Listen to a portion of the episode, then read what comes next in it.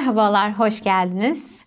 Ee, nereden biliyorsun? Açık Beyin'in son birkaç haftadır devam eden programlarının içeriklerinden bir tanesi. Ben Doktor Tuğba Aydın Öztürk, Üsküdar Üniversitesi Sosyoloji bölümünde öğretim üyesiyim. Aynı zamanda da Manchester Üniversitesi'nde İngiltere'de Mitchell Center Sosyal Araştırmaları Merkezi'nde çalışan bir araştırmacıyım. İlgi alanımı aslında sosyolojinin, siyasetin, psikolojinin, e, sanat konusunun, estetiğin, ahlakın, gündelik hayatın alanına giren birçok alt başlık oluşturuyor. Bu programda da amacımız e, son programlarda da izlediyseniz eğer karşılaştırma yapabilirsiniz. Böyle farklı farklı araştırmaları alıyoruz. Dünyada yapılan, Türkiye'de yapılan bunların sonuçlarını biraz analiz etmeye, çözümlemeye çalışıyoruz. Kendi bilgi dağarcığımız neticesinde. Bugünün konusu gençlerle alakalı. Bugün spesifik bir araştırmadan bahsetmeyeceğim. Dünyada son birkaç senedir, Türkiye'de de benzer şekilde yapılan araştırmaların böyle bir kolajını, bir çıktısını sizlerle paylaşacağım. Ama zaten videonun altına özellikle referans aldığım, bugünkü konuşmam için de kullandığım araştırmaların linklerini ekleyeceğim. E, Habitat'ın yaptığı son birkaç yıldır e, gençlik araştırmaları var. E, Türkiye menşeili Method Research Company'nin yaptığı gençlik araştırmaları var. Bir de benim kendi yürüttüğüm yani yine Üsküdar Üniversitesi çatısı altında yaptığım araştırmalar var. Şimdi bunları toplayalım. Bugünkü amacım şu. Şimdi gençler bir kuşak olarak işte ister Z kuşağı diyeyim buna. Bu arada çok da kuşak tartışmalarının içine girmek istemiyorum. Çok bize aitmiş gibi gelmiyor.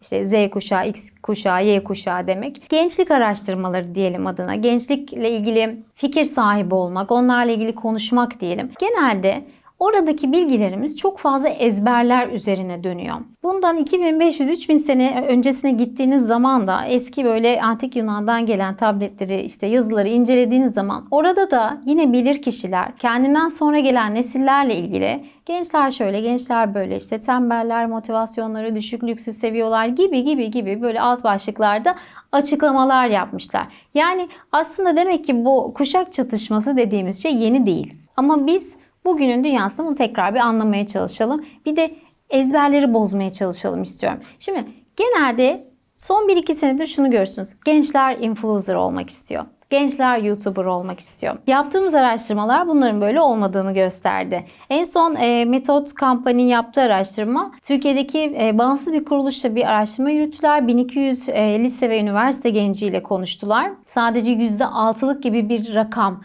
e, YouTuber ya da influencer olmak istiyorum diyordu. Şimdi bir şeyin tüketicisi olmakla onun içerik üreticisi olmak arasında bir fark var. Bütün gençler zaten YouTuber olmak istiyor. Aslında sosyal medyaya çok meraklılar gibi bir üst bakış e, gençler aslında biraz indirgemeci bir yerden anlamaya çalıştığımızı gösteriyor. Yaptığımız çalışmalar son yıllarda gençlerin daha geleneksel mesleklere doğru bir dönüşe geçtiğini, girişimciliğin azaldığını, daha bildik doktor, öğretmen, mimar, mühendis gibi mesleklere meylettiklerini gösteriyor. Buradaki en önemli sebep de ekonomik belirsizlik ve hani bir yerlerde sigortalı bir işim olsun e, hayali. Bu sebeple birinci miti yıkıyoruz bugün. Gençler YouTuber olmak istemiyorlar. Gençler YouTube'da eğlenmek, öğrenmek, yeni bilgilere ulaşmak için de bir gayretindeler ama buradaki amaçları e, bunu bir mesleğe dönüştürmek değil. İkinci mite geçelim mi? Gençler geleneklere bağlı değil. Hiç aile hayatından anlamıyorlar. Kendi başlarına bir dünyaları var.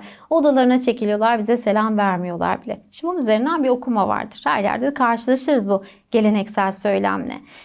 Pandemi süresinde yaptığımız tüm araştırmalar özellikle 15-29 yaş arasındaki genç nüfusun, bireylerin, genç bireylerin en fazla dert ettiği konunun sevdiklerini, ailelerini kaybetmek olduğunu ortaya çıkardı.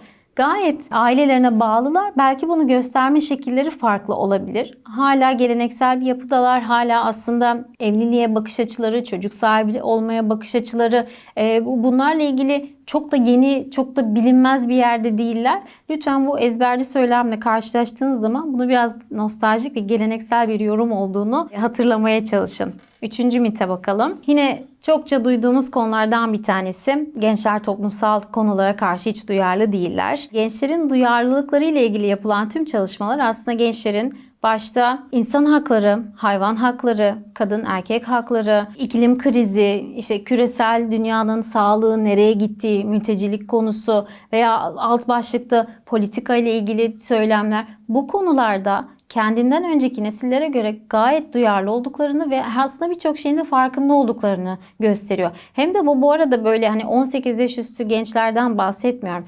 Liselilerle de çokça çalışma yapıyoruz.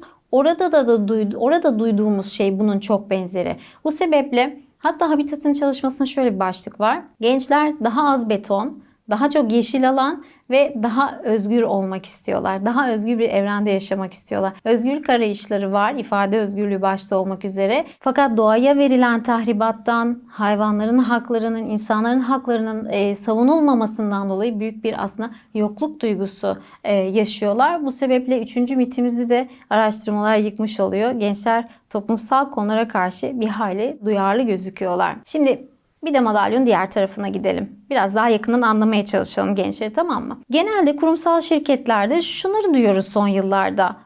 İş beğenmiyorlar. Gençlere iş veriyoruz yapmıyorlar. İşte sirkülasyon çok fazla. Buraya giriyor. Bir sene duruyor. 6 ay duruyor. Sonra başka bir iş. Bunu anlamamız gerekiyor. Sebebini anlamamız gerekiyor. İkinci bir şey gençler yurt dışına gitmek istiyor. Yani hiçbirisi burada kaçmış. Sadece istatistiki bilgi versem size %70 küsürlerde e, gençler Türkiye yerine yurt dışında yaşamayı tercih ederler gibi bir veri vermem lazım. Tamam okey istiyorlar.